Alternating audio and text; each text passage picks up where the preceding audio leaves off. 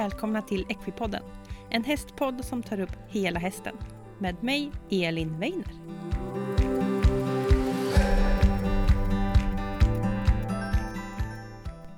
Äntligen onsdag och dags för ett nytt avsnitt av Equipodden. Hej och välkomna alla lyssnare. Idag så är det ett så bra avsnitt och jag har längtat efter att få släppa det här. För eh, Lena Gunnarsson gör comeback i Equipodden. Och Lena och jag spelade in ett avsnitt som släpptes eh, 17 februari, nummer 57 av Equipodden.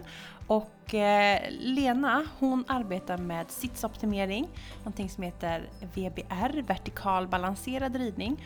Och i det avsnittet pratade vi just om sitsen, sitsoptimering, eh, om ryttaren är sned och hur påverkar den hästen och så vidare och så vidare. Och det har varit ett jättepopulärt avsnitt och eh, det är det som vi inte hann med att prata om det var saden. Så vi sa att vi skulle spela in ett nytt och eh, nu är det dags. Vi har pratat igen och gjort ett nytt avsnitt och nu pratar vi om saden och då är det delen av saden som går upp till ryttaren. I det här avsnittet så kommer vi ta upp mängder med delar med det här kopplat till liksom saden och ryttaren. Och Elena hon är verkligen grym på det här. Så hon delar med sig av massor med tips, tricks, quick fix, test och göra verkligen konkreta saker. Så fram med papper och penna för det är massa saker man kan testa själv. För att se om en sadel faktiskt passar. Är det så att sadeln hjälper dig när du rider eller skälper den för att den är inte alls anpassad för hur du ser ut rent skelettmässigt liksom. Och det tycker jag själv har varit väldigt fascinerande för det här är saker som jag har haft problem med och jag tror att väldigt många känner igen sig i det som vi pratar om i det här avsnittet. Vi pratar också om lite forskning och det har jag länkat i poddbeskrivningen. Så gå gärna in där och titta när ni har lyssnat på det här för det finns så mycket att lära om det här ämnet. Men ja, nog med prat, nu kör vi igång veckans avsnitt.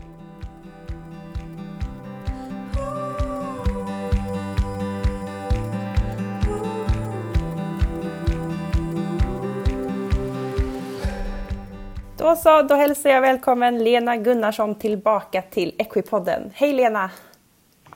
Hej Elin och tack så mycket för jag får komma en gång till. En gång till! Ja, och Lena du var ju med för eh, tidigare i vår i Equipodden och eh, du driver ju något som heter Equestrian Physio och eh, det på avsnittet var otroligt populärt.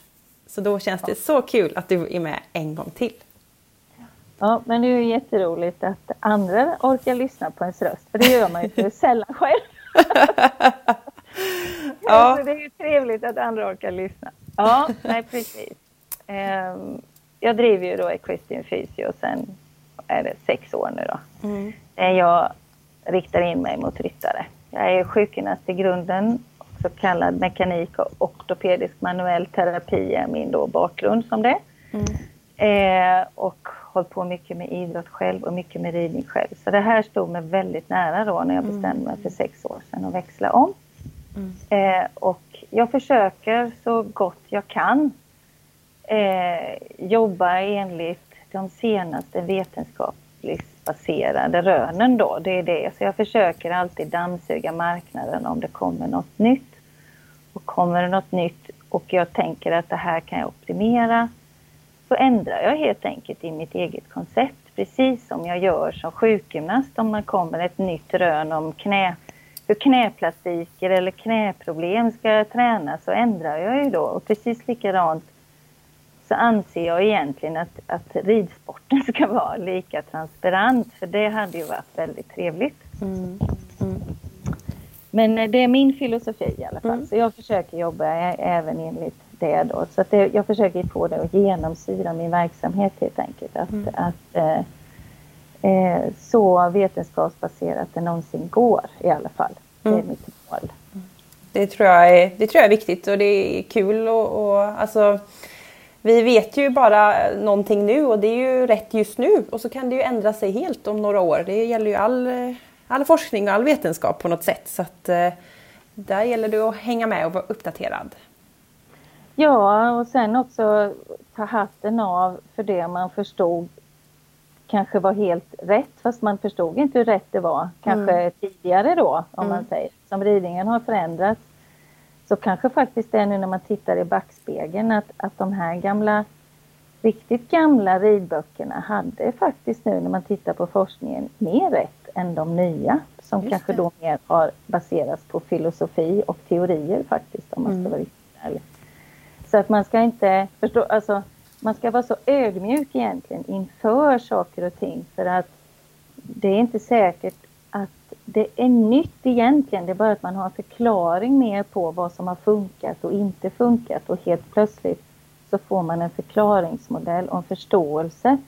Aha, och så kan man optimera det lite till. Mm, mm. Eh, så ser jag det. Så att det är inte det att det är svart eller vitt om du förstår vad jag menar. Så ser jag det aldrig utan man liksom man ser och så får man den här så tänker man okej, okay, ja men då kan jag då kan jag plocka de där russinen ur den tekniken eller ja, du förstår vad jag menar. Mm. Man, man, eh, man, man har en, en lyhördhet och ödmjukhet inför som varit och sen så plockar man ihop det till att kunna göra saker och ting ännu effektivare. För det är det jag tycker är så roligt. Att, att kunna göra saker effektivt så att man märker resultat eh, på ett mycket mer tydligare sätt.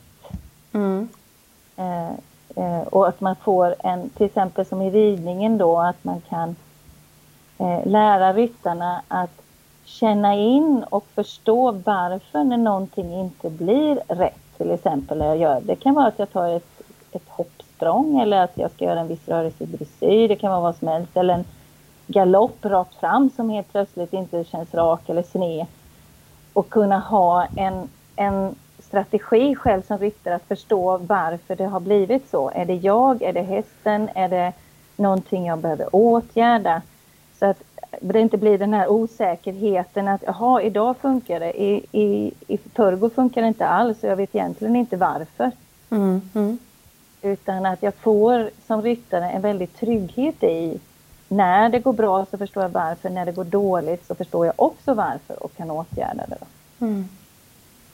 Superintressant. Mm. Viktigt att tänka på.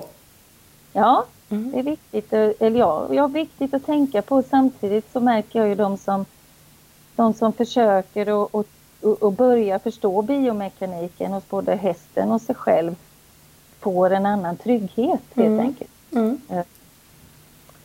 För att man blir mycket snabbare när man vet att det här stämmer. Alltså, du förstår vad jag menar? Att man blir mm. liksom snabbare i det här att när ska jag söka hjälp eller, eller var det jag? Eller, ja, du hänger med vad jag menar. Man ja. liksom får en, en, en, en, liksom, en trygghet i sin ridning och sin träning och sin häst på ett annat sätt. Just det. Mm, mm, jag förstår. Sig själv naturligtvis. Det, är ja. ju, det går hand i hand. Ja. Precis. Mm. Ja, och förra avsnittet pratade vi just om sitsoptimering, eh, VBR som står för vertikal balanserad ridning och hur, häst, eh, hur ryttaren påverkar hästens rakriktning. Och mm. eh, det kan man ju lyssna mer om eh, i det avsnittet.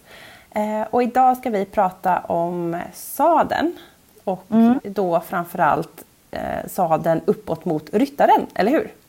Precis. Saden har ju två sidor. En är mm. hästens och en är ryttarens. Mm. Och du arbetar framförallt då med saden, eh, delen av sadeln som går mot ryttaren. Vill du berätta lite om, om den delen och dens vikt? Ja, nej men alltså eh, det är ju så här att, ja, nu får jag dra lite grann då vad jag, vad jag drog eh, förra avsnittet. Att, mm. att grunden för att jag ska kunna som ryttare använda min kropp optimalt om, vi, om nu tar vi bara ryttaren först. Mm. Eh, eh, och använda så lite energi som möjligt och samtidigt vara så ryggvänlig som möjligt mm. så behöver mitt bäcken vara i någonting som heter neutral position. Mm. Eh, och det här med neutral position är individuellt. Mm. Därför att din neutralposition av bäckenet är inte säkert alls att den är samma som min vinkel. Och det. det har med hur korsbenet är eh, i vinkel i förhållande till ryggen. Mm. Eller till den sista ländkotan egentligen. Och, och visst, det kan till viss del, det kan vara skador eller svaghet men oftast är det genetiskt från början. Man är helt enkelt olika ställd där. Mm. Eh, och den ställningen bestämmer då lite grann var din neutralposition är. För att det kan vara så att din neutralposition gör att du fortfarande är i när du är lite i svank. Och Mm. det är för dig helt okej. Eh, medan kanske då för mig som har ett mycket mer rakställt eh, korsben i förhållande till sista ländkotan. Hade jag haft den vinkeln så hade jag haft ett framåtroterat bäcken. Mm. Mm. Eh, så det där är ju lite komplext för då tänker alla, ja hur ska jag veta det? Ja. ja. Och, och man kan säga så här att eh, ett enkelt test är om man, om man sitter till häst och funderar på det. Om, om är mitt bäcken för mycket framåttippat eller var är det någonstans? Är det för mycket? Så kan jag bara släppa tyglarna, ta fram mina armar rakt fram och så gör jag en snabb saxrörelse framför mig. Känner jag då att min bålstabilitet, den djupa, slår på. Att jag Mm. känner att, oh, du vet, ett riktigt suger tag i magen. Mm. Eh, då vet jag att jag sitter i en sadel som ger mig faktiskt lite stöd fram till så att inte bäckenet bara fortsätter rotera fram för mycket i förhållande till hur jag är skapt. Då. Mm. Likaväl om jag har en sadel som vill sätta mig faktiskt då med bäckenet i bakåtrotation, ni vet de här som puttar så att man känner att man hela tiden hamnar på sittbenet fast man inte vill och bäckenet bara trillar bak. Mm. Mm. Eh, då trillar man bak ännu mer när man gör det testet. Så det, jag brukar säga eh, det är världens bästa sadeltest. Test, om Ja. för, det är liksom, du ska kunna sätta upp en sadel, eh, sitta rakt över eh, ditt centrum och så ska du kunna göra det här testet och du ska bara känna att du blir ännu mer stabil. Mm. Då sitter du i en sadel som understöder ditt skelett perfekt. Mm. Det var ett superbra tips ju. Mm, väldigt enkelt och bra. Men skulle det vara så då att du gör det här testet och bara känner wow, att du bara tippar fram. Ja. Att inte du får någon bålstabilitet alls påslagen. Eh, då vet du det att då sitter du i en sadel som inte fångar upp ditt bäcken fram till. Mm. Som då kanske har för smal midja eller att det är i förhållande till din bäckenform fram till, alltså pubisvinkel. Mm. Eller också kan det vara att den är lite för smal i förhållande till din lårbensvinkel för höftleden. Så det kan ju se ut på olika sätt, öppen eller sluten. Mm. Ehm, och då kommer du känna det här obehaget att nej men gud, gör jag det här så trillar jag fram. Mm. Eh, och då, då går man över den här neutralpositionen. Eh, och definitionen på neutralposition är egentligen att där är där disken har minst tryck. Det är det som är definitionen på neutral position. Mm. Och det är därför ur en hållbarhetssynpunkt mot ryttaren att det är så viktigt att du kan få vara i din neutralposition när du rider. Mm. Vi Mm. vet ju idag att 80 procent har ont efter sin ridning ungefär. Och det är ju inte okej om jag ska vara riktigt ärlig. Vem hade accepterat att springa fem kilometer och komma hem och knappt kunna gå efteråt? Det hade ju ingen gjort. liksom. Nej, det känns väldigt sorgligt. Det känns extremt sorgligt. Mm. Så, och, och, och så det här att ha smärta i underlivet eller ryggen eller vad det nu är efter, eller höftlederna då som är rätt vanligt också när jag rider. Det är ju märkligt att det har blivit som en acceptans liksom. Mm. Eh, och, och det behöver inte vara så. För Mm. att det är, handlar om hur både vårt bäcken och lårben är konstruerat. Då. Mm. Ehm, så att man, kan- man kan säga så här, så det, det, är, det är, nu flöt ut lite, men man kan säga neutral bäckenposition, det är för mig nummer ett. Och så kan man då fråga, jaha, hur skapar jag det då? Mm. Hur, hur vet jag att det är så här den här ryttaren behöver i, i sadeln för att kunna sitta så här? Då har jag ju, jag har ju verktyg då eh, tillsammans då som har ta, tagits fram då med, med Maria Hallring Mm. på Ergo X2. Mm. Eh, där vi jobbar med avtryck mot något så avancerat som eh, papp. Ja, just det. Ja. Där vi får liksom en uppfattning om formen och så då. Mm. Och då, då kan vi utifrån det då veta hur långt bäckenet är, hur brett det är mellan sittbenen, hur pubisvinkeln ser ut ungefär. Mm. Eh, och utifrån det då så vet vi till exempel, har du ett kort bäcken ja men då kan du inte gå upp i de här 17,5 och så som är så vanligt att folk sitter, eller 18 till exempel, bara för att man har långa lårben. Mm. Eh, oftast är det ju helt förfärligt därför att de här personerna inte alls ovanligt att de är så korta i sitt bäcken så de kan sitta i max 16 för att få stöd. Jaha. Eh, och då har de aldrig haft rätt sadel i hela sitt liv utan har suttit och konat runt och känt liksom bara att det här får jag ju inget stöd i. Och då kan man fråga sig varför gör man så då? Vad är traditionen i, i sadelvärlden? Varför man, lårbenet ska bestämma vilken tung jag har på sadeln? Mm. Det är ju jättemärkligt egentligen. Men det handlar om att man då börjar med de här stora knästöden. Mm. Och för att då lårbenet ska få plats när jag då har låst knät, ja då måste jag ju flytta bak sätet. Ja, just det. Så grejen är den det fiffiga är ju att det man gör då, det är bara att man kortar knästödet så att inte det påverkar knät och sen kan den här stackars långbenta fina lårbensryttaren sitta rätt i sin, sitt säte och ändå få plats med sitt knä liksom. Ah, Ja, intressant. ja och, och extremt eh, logiskt. Ja. Jag fick en bild där när jag ser liksom knät. Okej, jag kan inte skjuta fram knät. Då måste ju liksom benet gå bakåt. Ja, just det. Och, och det är ju där, det är ju där, det är jättebra. Center Biomechanics har ju kommit med jättebra forskning om det. Hur, hur illa det blir när knästöden eh, trycker på knät eh, och vad det förstör i ridningen. Mm. Och det är för alla, så det är inte bara de långbenta. Därför att varje gång du ställer dig upp, varje gång hästen du sitter ner i trav eller vad det är, så har du en translationskraft hela tiden framåt bakåt ju. Mm. Eh, i sadeln och det, det måste du kunna växla av liksom. Mm. Eh, och kan du inte växla av det, ja då kommer ju den rörelsen upp i, i överkroppen istället. Så det, det, ju, det är ju liksom en förbannelse det här med de här stora knästöden som då trycker på knät.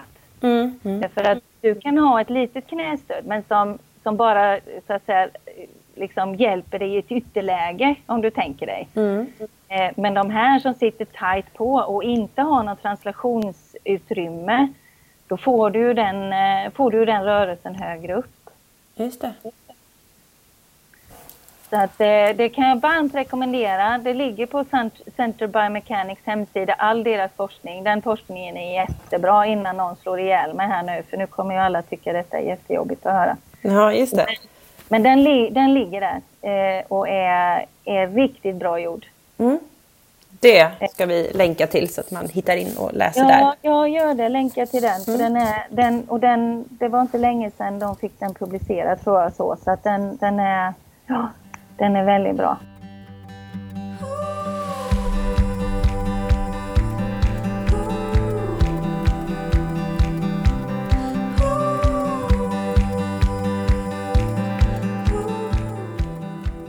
Jag var vid pubisben och längden och bredden då emellan sittbenen. För Just det, är det. en, det är en annan sak då. Därför att hur pubisbenet ungefär, det har ju med midjan att göra om man säger så. Mm. Vad man kan för bredd där. Men sen, sen är det viktigt att förstå det här att bredden mellan sittbenen då också är viktigt och var det hamnar någonstans. Mm. Eh, för det är väldigt vanligt då att om, man, om du tänker då att jag har ett kort bäcken, Mm. jag har eh, rätt brett emellan sittbenen och sen har jag då en, en 17-17,5 tum sadel. Då blir det ju så att sittbenen hamnar ju utanför sätet. Just det. Och den stackars ryttaren har alltid fått höra hur svag och vek den är i midjan, det kan jag lova dig. Mm. Den brukar liksom ha fått skäll i alla tider. Liksom. Mm. Hem och gör plankan, så blir det bättre. Mm. Men jag, det jag kan säga är att det, att rida på det sättet, det är som att sätta en balansplatta på hästen.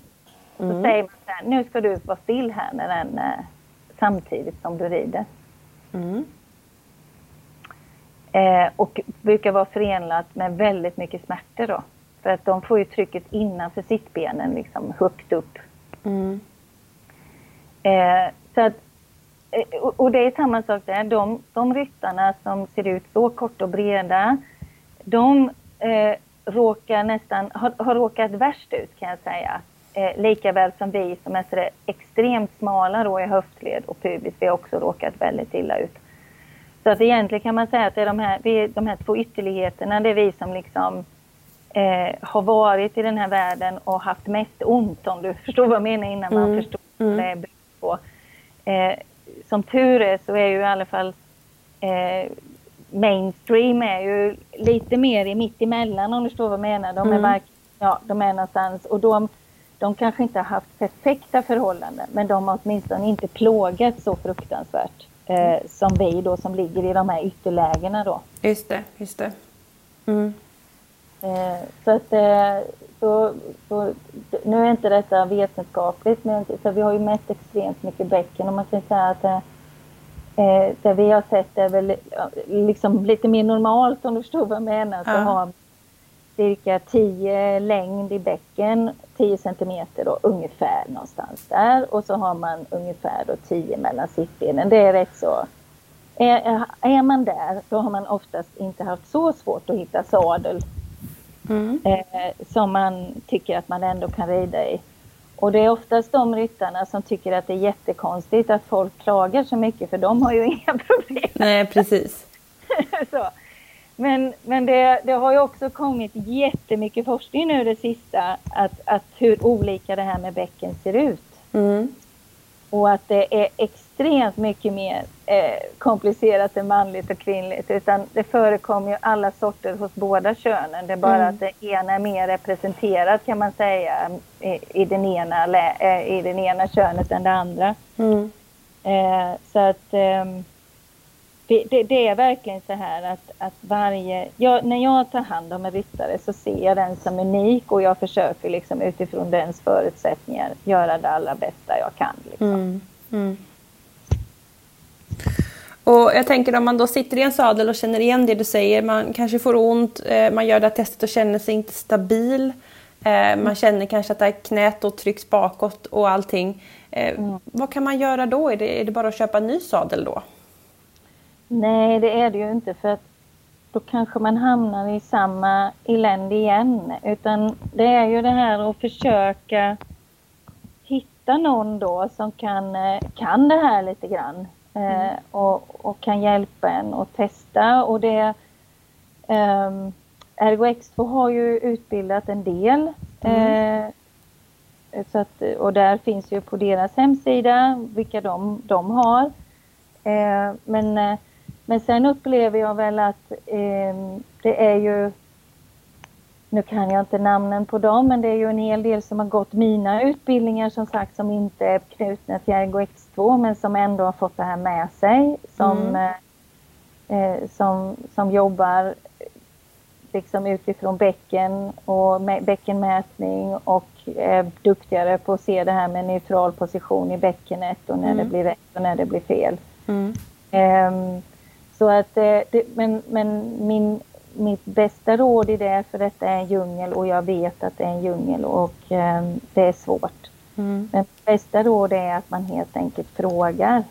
Mm. Eh, att, man, att man vågar ställa frågan till den saluprovan att, att jag har, säga ärligt så här, att jag har svårt att hitta en sadel som jag inte får ont i. Har du den kunskapen så du kan hjälpa även mig och inte bara hästen? Just det är nog mitt bästa råd. Och, och, kan den inte det att man då kan säga, vet du någon som liksom har gått någon kurs som liksom kan, kan hjälpa mig med det här? Just det. Och, och då menar jag inte en kurs som att man bara mäter lårben och så säger man att det är då, för det har ju varit tradition att mm. när jag frågar då när någon, när någon eh, kommer ifrån någon som inte, eller vi har utbildat eller jag har varit med i, i, i mina kurser så är det ofta som de säger att ja men den är specialgjord efter mig. Mm. Och när jag frågar då hur har de gjort då? Ja då har de mätt lårben och sen har de gått på att man är man eller kvinna. Okej. Okay. Uh, det var specifikt. ja, nej, men det är på den nivån det har legat. Och ibland har det blivit rätt, så jag säger inte alls det. Mm. Men, men, ofta blir det ju fel också då, för att det finns väldigt många mer parametrar än så. Mm. Så att, um, så det, det, är väl mitt råd att man, att man helt enkelt att, att konsumenter helt enkelt bör efterfråga saluprovare som kan det här mot ryttan. Mm, mm. För det är så man skapar det är så man skapar en utveckling. Om Just det, Precis. Så, så, så får de känslan, saluprovarna, att det här måste jag lära mig. då kommer de ju göra det. Just det, precis, man anpassar sig. Man anpassar sig, ja precis. Mm. Och, ehm. ja, och jag vill bara understryka här också när vi ändå pratat om det att, att ha ont under ridning, efter ridning eller i samband, det är liksom inte normalt. Nej, det är verkligen Det ska inte. vi inte acceptera. Då behöver Nej. man, om man nu lyssnar och känner igen det, eh, då bör man göra om någonting. Ja, det behöver man göra. Mm. Och, det, nu, nu har, och, och, och, och, saken är, nu har vi pratat om bäckenet framförallt, ju, den, den problematiken då att, att ont i sittben, rygg eller då pubisben eller vad det nu är. Men en, en annat faktiskt rätt så stort bekymmer som jag märker det är ju höftledsproblem mm. också. Mm. Eh, och då kan jag säga att nej, det hjälper inte att stretcha sönder höftböjan. Det gör det inte. Mm. Utan, för det handlar om hur min höftled helt enkelt är, är anatomiskt skapt. För det mm. är idag också att det är väldigt olika. Det finns de som har smala lårbens, alltså korta lårbenshalsar, framåtriktade höftleder med lite, liten förmåga till utåtrotation vi som är skapta så, jag säger vi eftersom jag själv är sån och då råkade väldigt illa ut som ung i sadelvärlden. Eh, vi kan nästan inte svälja någonting om du förstår vad jag menar. För att mm. höftleden kommer i ett extremt ytterläge. Eh, vi tippas bak och tvingar vi oss fram så får vi kroniska höftledsinflammationer faktiskt. Ja, oj då. Mm. Ja, och det är alltså den här ljumsksmärtan och, liksom, och det, den är förfärlig. Och den, den beror oftast på att det är för brett och då, på, om man då undrar, jaha, vad är det någonstans då? Då kan man säga att från stigläderkrampan och ner, mm. där är bredden, alltså där påverkar höftleds, eh, höftleden väldigt mycket. Mm. För det är ju där höftleden, så att säga, börjar. Det är där vi trycker ut lår, börjar trycka ut låret, så att säga. Ja. Eh, och då kan jag ge ett litet, ett litet quick fix faktiskt. Mm man känner det. Om man känner sig, man tycker om sadeln för övrigt, alltså man känner sig, om sätet är, tycker jag är bra här och det är liksom, jag, jag får ett bra, man tycker liksom att understödning och med stöd vill jag bara säga att jag menar inte nu högt bakvalv och att man sitter som i en stol, utan för mig får gärna en sadel vara helt flat.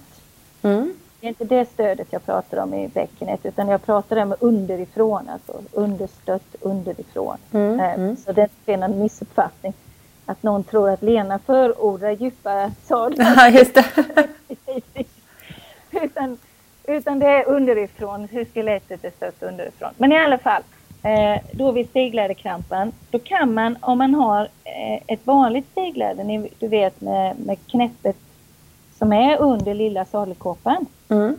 Mm. Eh, om man då skaffar ett T-stegläder, du vet de här som man knäpper nere vid foten, då tar man bort mm. nästan över en centimeter som trycker ut höftled. Ja just det, ja. knäppet tar en del plats ja. Mm.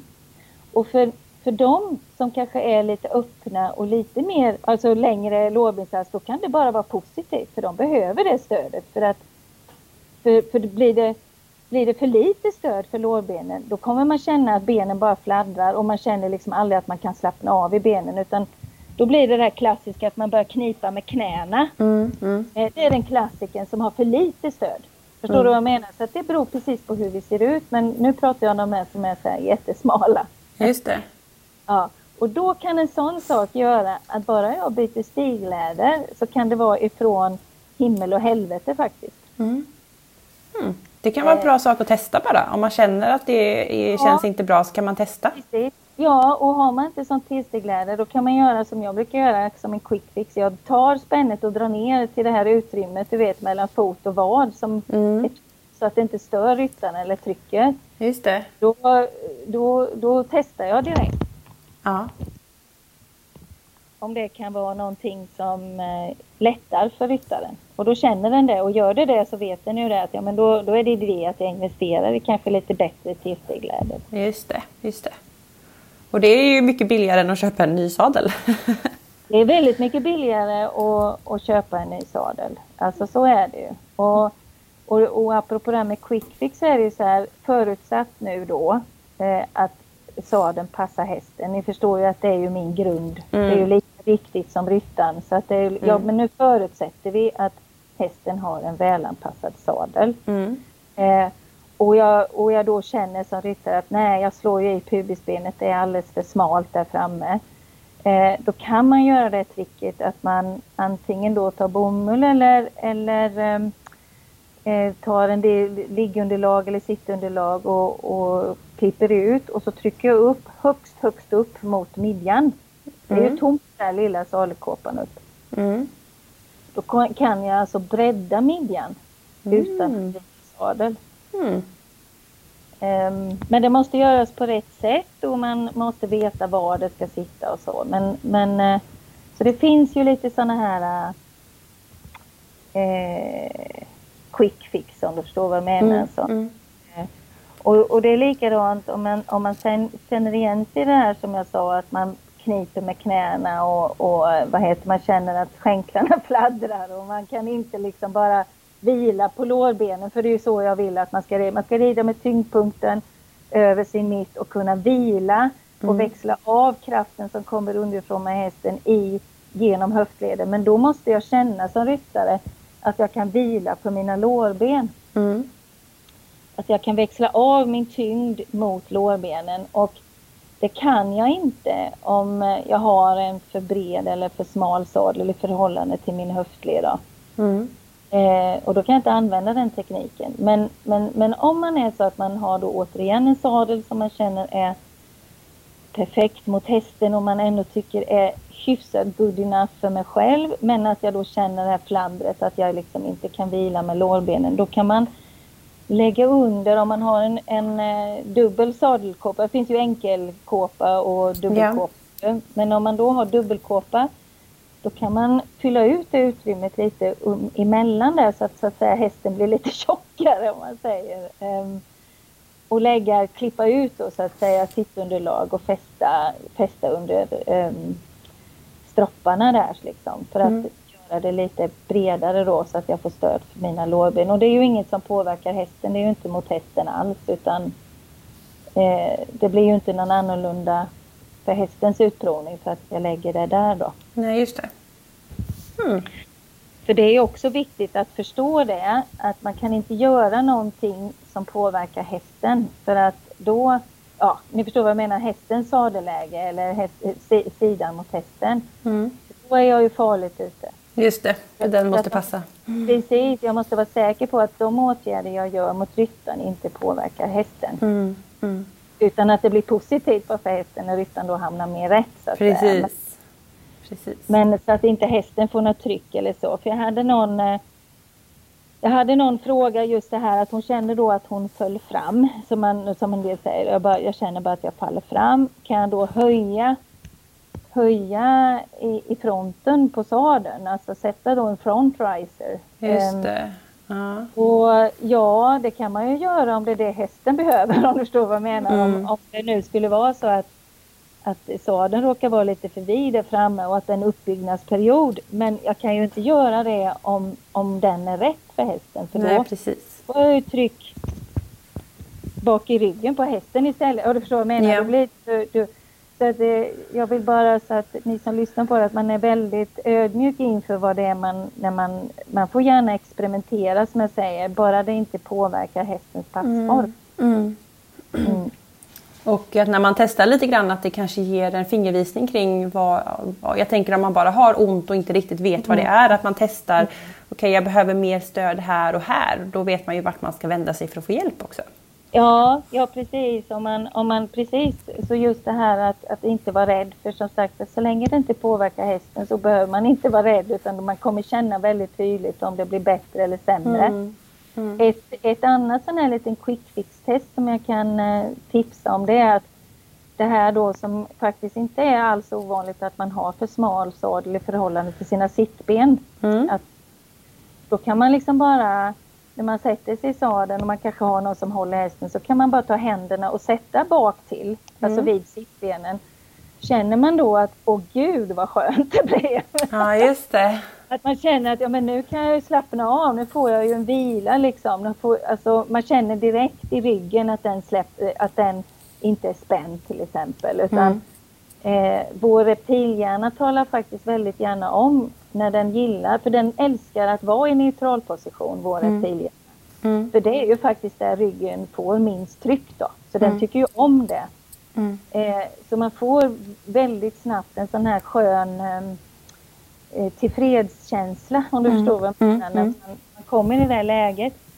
Eh, och, så då, det är ett jättebra quick fix för då känner man direkt, gör det jättestor skillnad, men då kan man säga, nej men då, då är den här sadeln antagligen, ger inte den tillräckligt stöd mellan sittbenen och då kan man ju ibland göra så enkelt att man frågar den som har provat ut sadeln att kan vi gå ner en tum? Mm.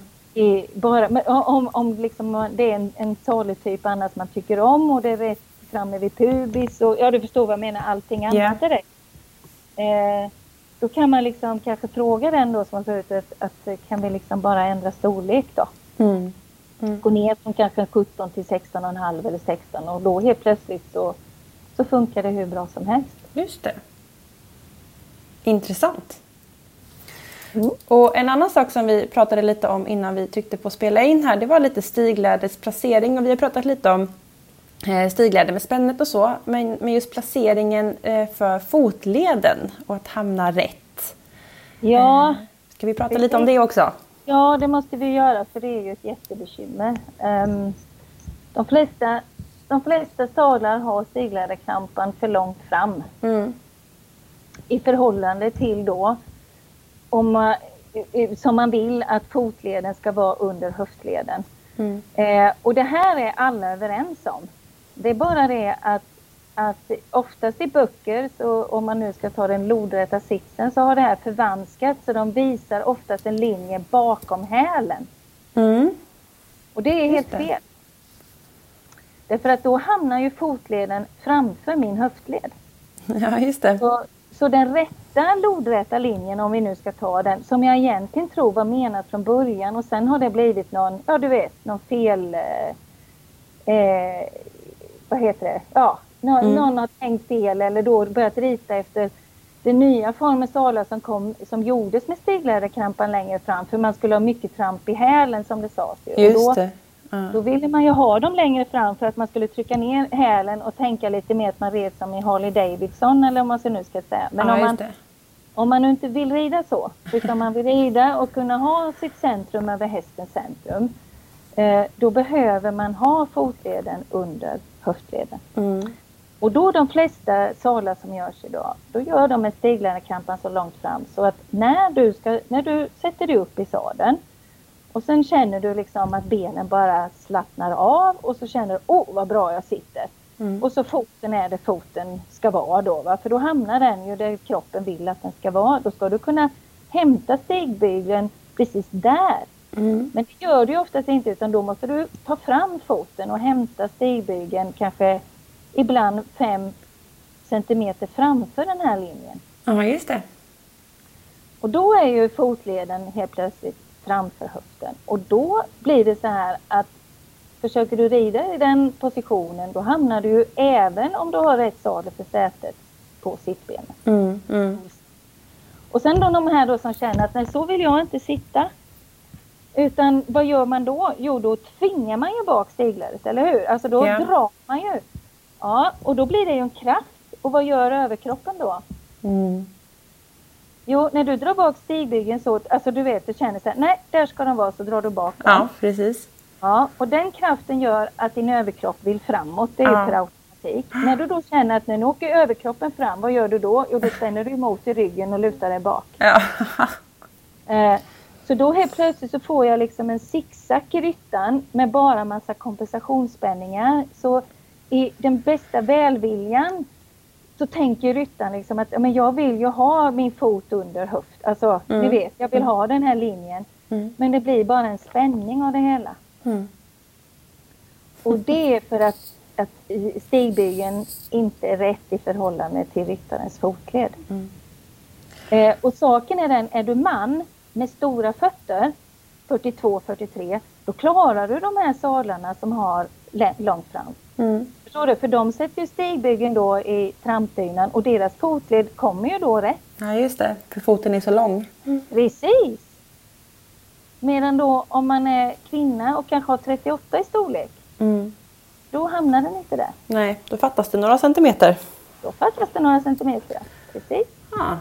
Alltså Lena, jag känner så igen mig i det här. Just att eh, foten hamnar framåt, jag trycker den bakåt och så pressar jag min överkropp bakåt. Jag känner så igen mig eh, i det. Det här, ska jag, eh, det här ska jag titta på, hur det sitter på sadeln. Mm. Och gör det. Och, och titta hur stegläderkrampan är gjord. För grej, grejen är den att ibland finns det bara en sån här kort liten, du vet, som en liten rund eh, stegläderkrampa. Mm. Och då kommer jag ju ingenstans med mitt steg, stegläder, för det är ju vad det är liksom. Men har jag tur så har jag en sån här lite längre rak stegläderkrampa. Mm. Vet du vad jag menar? De här lite, ja. De kan ju vara flera centimeter ibland. Mm. Då, då, kan jag dra bak steglädret och så in, naturligtvis inte över säkerhets... Eh, det får ju inte bli farligt om du förstår Nej, precis. Mm. Det måste vara. Eh, men så kan jag sätta ett stopp framför. Eh, mm. Och, och det, det, finns alla möjliga uppfinningar på det. Det kan vara en avklippt vattenslang, en del tar bara vanligt buntband. Det. En, del, en del tar vad man haver. Mm. Ett snöre eller ja du förstår vad jag menar. Ja, jag brukar använda hårda hårband och bara mm. liksom för jag ska testa då. Eh, för, det, för annars när jag rider så, så glider ju stiglaret fram igen så jag måste ha något stopp där. Liksom. Just det. Och då, då, är det, då brukar det vara lite fascinerande faktiskt för att när fotleden då kommer precis rakt under och det är rätt, för då helt plötsligt då har du möjlighet att rida som man brukar säga, du ska kunna hamna på fötterna om jag drar undan hästen. Det är ju sånt här vanligt uttryck man brukar mm. säga. Mm. Men kan man det när foten är framför höften? Mm. Nej, det kan man inte. Så det blir ju ändå, alltså här, den här viljan som är helt rätt, den kan man inte utföra då för att stigbyggen är felplacerad. Men när man då får den rätt och sen när du kommer ställa dig upp, om du testar det här nu när du, när vi har, nästa gång du rider, mm. då kommer du först känna dig lite vinglig för du är inte van att balansera dig rakt över ditt rörelsecentrum för du är van att, att, att liksom dra dig upp med bukmusklerna om du förstår vad jag menar. Yeah. Eh, så det, det, här är ett, ett, nytt sätt och då brukar jag säga att det bästa sättet att lära om och hitta balansen då när man väl får den här rätta förhållanden, det är att börja att stå och sätta sig i skritt först. Mm. Man liksom bara hittar sin nya balans i det här för att man är ju inte van, man är ju van att häva sig upp liksom. Mm, mm. Precis. Ja, superintressant. Mycket att tänka på, verkligen.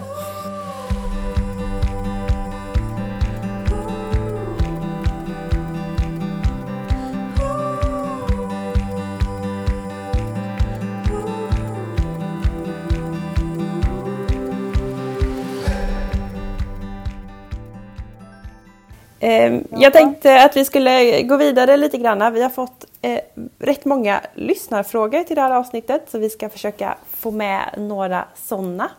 Mm. Och eh, då har jag fått en fråga om man skulle förutsätta att eh, sadeln inpassad funkar bra för hästen och den eh, funkar bra för ryttaren. Men ryttaren är sned, alltså man har en snedhet i sin kropp. Vad kommer hända då? Ja, har ryttaren en snedhet i sin kropp, framförallt då eh, där, där sadeln reagerar mest på det är ju om ryttaren sätter sadeln snett när hästen rör sig. Mm. Eh, och då blir ju, då kommer det ju bli så att du ser det på sadelbosserna väldigt snabbt. Mm. Eh, så att där, då, då får man ju vara med där. Mm. Och då behöver man göra någon ny typ av åtgärd för sadeln eller? Ja, jag skulle vilja säga att det hjälper ju inte för då måste ju ryttaren få hjälp. Liksom. Just det.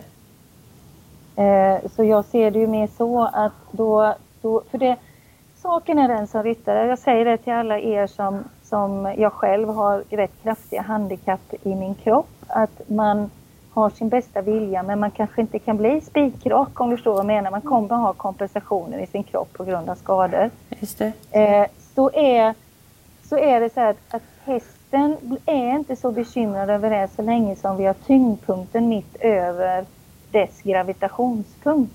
Mm. Förstår du vad jag menar? Om jag liksom hela tiden förhåller mig med min tyngdpunkt rätt mm. så, så kanske liksom den här lilla snedheten jag har i bäckenet eller ja, du förstår, som jag inte kan göra någonting åt eller påverkar mycket mindre därför att jag är ju med min tyngdpunkt mitt över så jag drar och på det sättet om jag lär mig det som ryttare så kommer jag inte dra sadens rätt. Nej, Utan jag kommer, jag kommer kunna vara mitt över oavsett. Även om jag då kanske har en liten deviation, en liten snedhet någonstans. Ja, liksom. ja. Eh, så det vill jag verkligen att, att ni som lyssnar och kanske känner så men gud, jag kommer aldrig bli den här perfekta. Jo, men för tyngdpunktskänslan mm. och kroppskänslan, den kan man alltid öva ändå. Mm. Eh, så det, tänk på det. Nej, så, så, att man, så man inte tänker, men jag är sned och jag kan inte göra något. Jo, för det kan man. Den här kroppskännedomen och tyngdpunkt och balans, det kan man alltid öva. Mm. Även om man inte nu kan rita det här spikraka strecket så att säga. Mm. Mm. Eh, så att, men, men svaret på den frågan är ju att då skulle jag säga att ryttaren behöver ju hjälp på något sätt. Mm. Eh, för att bara, annars blir det ju så att man bara måste göra vid sadeln hela tiden och det blir, det blir liksom ingen förändring i ridmekaniken egentligen ju. Utan, mm. Så att eh, då, då, skulle jag vilja säga sök hjälp, försök mm. hitta någon som kan hjälpa dig på något mm. sätt. Mm. Intressant. Eh, nästa lyssnarfråga som har kommit in det är en ryttare som upplever att hästen puttar henne sned i sadeln.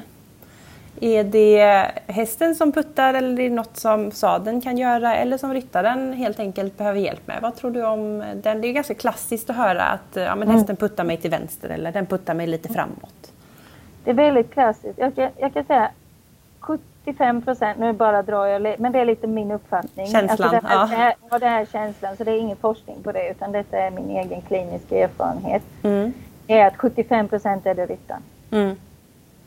Men Eh, man ska alltid vara ödmjuk inför det om man känner att det är någonting man inte känner igen hos sin häst. För då är det oftast, det har ju också forskning visat, att det är oftast en bakbenshälta. Just det. Mm. Nu är det också generellt, för det kan ju vara ryggen och det kan vara, ja du förstår vad jag menar, det kan yeah. vara många olika saker. Men man ska vara väldigt lyhörd för det om det är någonting man inte känner igen hos sin häst. Mm. Eh, eller om man känner att fast man har gjort allt så blir det inte bättre och man kanske inte har kollat sin häst så kan det vara väl en, en bra indikation, om du förstår vad jag menar, eh, att man i alla fall frågar någon expert att titta på sin häst så att det mm. inte är något där. Eh, mm. men, men om man säger att man utesluter, vi, säger, vi säger nu att hästen är frisk, vi säger det, att det, det är inte en, en hälta utan kanske bara en vanlig snedhet hos hästen. Just det, ja. Eh, eh, då är det ändå 75 procent ryttaren. Mm. Och sen det här att, då, att, att ryttaren kanske känner då att nej, men jag hamnar ju där hur jag än gör. Eh, då har ryttaren inte har tillräckligt, inte mycket känsel hur mycket den behöver kanske vara med tyngdpunkten då som det oftast är lite mer till vänster för att inte tunnan ska tippa höger utan ryttaren följer med för mycket till höger Mm. Och då blir hästen ännu lägre på höger sida och då säger, eh, säger ryttaren att ja men alltså han, han sätter mig ju här. Eh, mm. Och till viss del så har ju ryttaren rätt då. Mm. Eh, men jag har ju ändå som ansvar som ryttare att försöka motverka den här tippningen då. Ja. Och där kan sadeln hjälpa till eller? Eh, nej, det skulle jag inte vilja säga. Ja, det är ju om sadeln är sned då. Ja. Men an annars skulle jag inte skylla på sadeln i det läget. Mm. Då får man, man undersöka sig själv.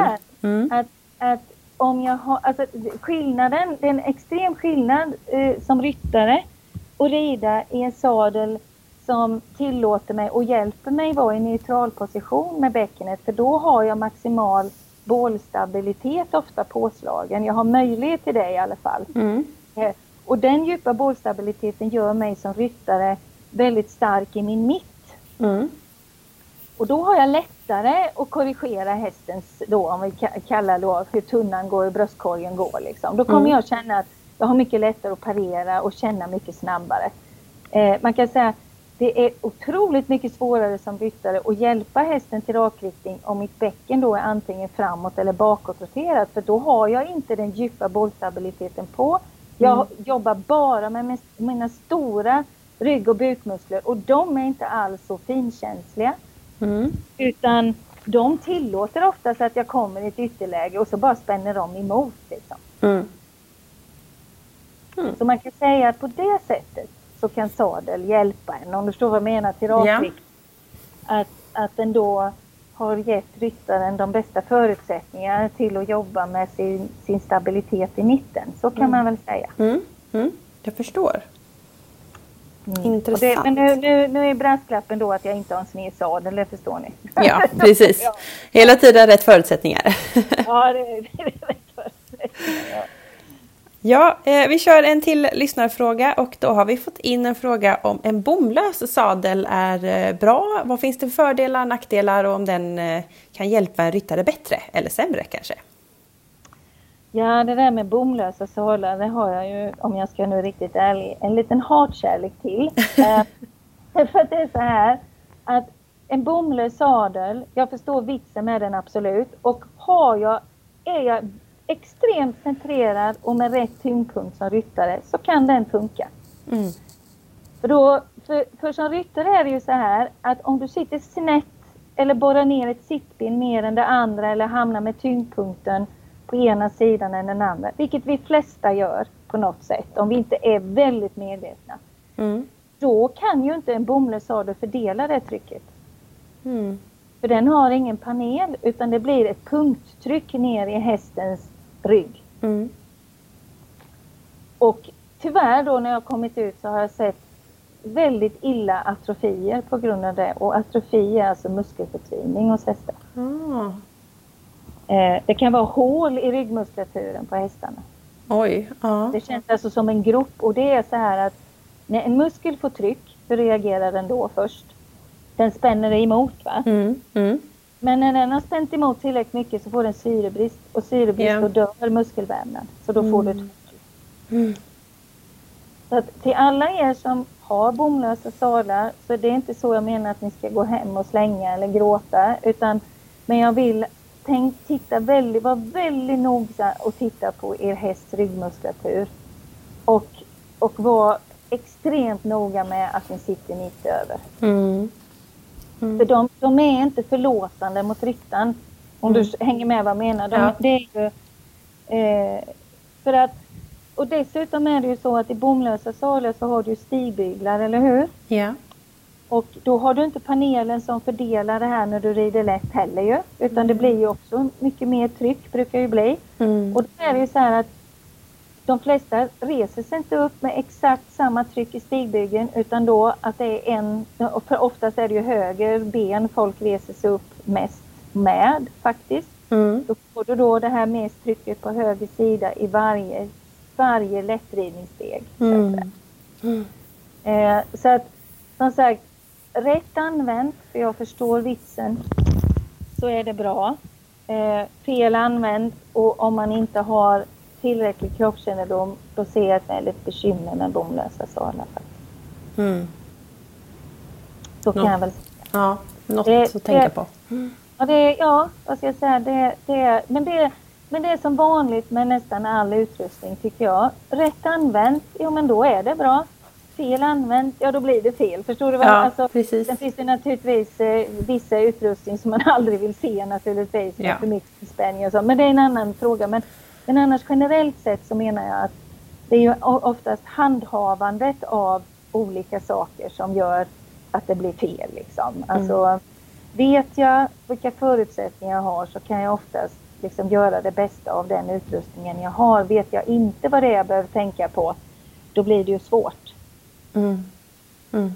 Jag förstår. Det, det håller jag med om och det är mycket så. Alltså, vet man om hur någonting ska funka så kan det ha en positiv effekt. Mm. Eh, men vet man det inte så kan det ha en förödande effekt. Så är det Ja, nej, ja nej, men precis. Det, men det, det är ju så med allt. Det är ju som man tänker nu med Equibandet är ju så populärt och rätt använt så är det fantastiskt. Men jag kommer ju ut när det inte används rätt och då är det inte speciellt roligt. För då mm. ser man koncentrerade bäcken på hästar och allt möjligt. Mm. Eh, och det är ju inte, förstår du vad jag menar? Det är ju inte, alltså utrustning, det är ju inte den träningsmetoden som är fel. Det är bara att det blir fel använt och då blir det fel. Liksom. Precis. Eh, mm. ja. men, men så är det med allt. Så det, det, är alltid det här med att jag brukar säga man ska veta vad saker och ting ska vara till för och mm. hur och när man ska använda saker. Då, då blir det oftast bra. Precis, precis. Viktigt att vara ödmjuk, att försöka göra rätt och, och läsa på mm. lite kanske. mm. läsa på ja, precis. Mm. Läsa på. Ja, Lena, eh, det var det vi hann med den här gången. Ja. Ett, eh, återigen ett supernyttigt och mat, matfullt, vad säger man, matnyttigt avsnitt. Vi har fått med massa bra tips och tankar och ja, själv personligen har jag fått många tankeställare. Verkligen saker att tänka på. De här quickfixen älskar jag. Det ska jag genast göra när jag hoppar upp nästa gång. Ja, och känna det, efter. Mm. Ja. Och sen det, det, det, det, är en annan, men det, vi, nu, nu vet jag, nu har jag bara tänkt att men det där ska ju sadelprovan veta att mm. sittpunkten ska ju sammanfalla med hästens djupaste sadelpunkt. Men det där är ju en sån där grund så att det antar jag att, mm. att det kan alla.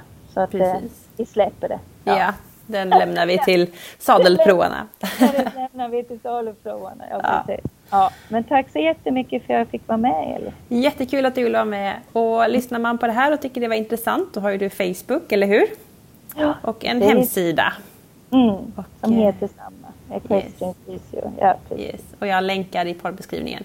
Nej men fantastiskt trevligt, jättekul Lena. Tack så jättemycket för att du ville vara med i Equipodden en gång till. Ja, tack själv.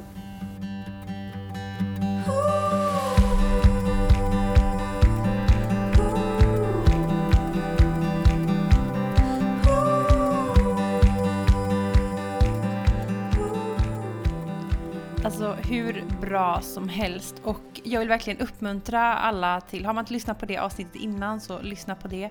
Och jag vill bara understryka igen att får du ont när du rider då är det något som inte är rätt. Så se till att få hjälp och kolla upp dig själv, kolla upp sadeln och gör vad som helst för att det ska kännas bra när du rider för det tycker jag är väldigt, väldigt viktigt.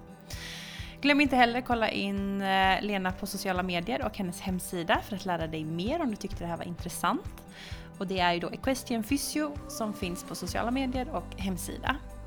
Sen får man gärna följa Equipodden på sociala medier också och då är det Facebook och Instagram som gäller för där kommer det ut massa mer matnyttig information om podden och du har möjlighet att påverka vilka gäster som är med och vilka frågor jag ska ställa. Nästa vecka i Equipodden så handlar det om sociala medier, det handlar om eh, influencer marketing, det handlar om personligt varumärke, sponsring och mycket, mycket mer. För då intervjuar jag Rebecka Fredriksson som driver Media House by RF.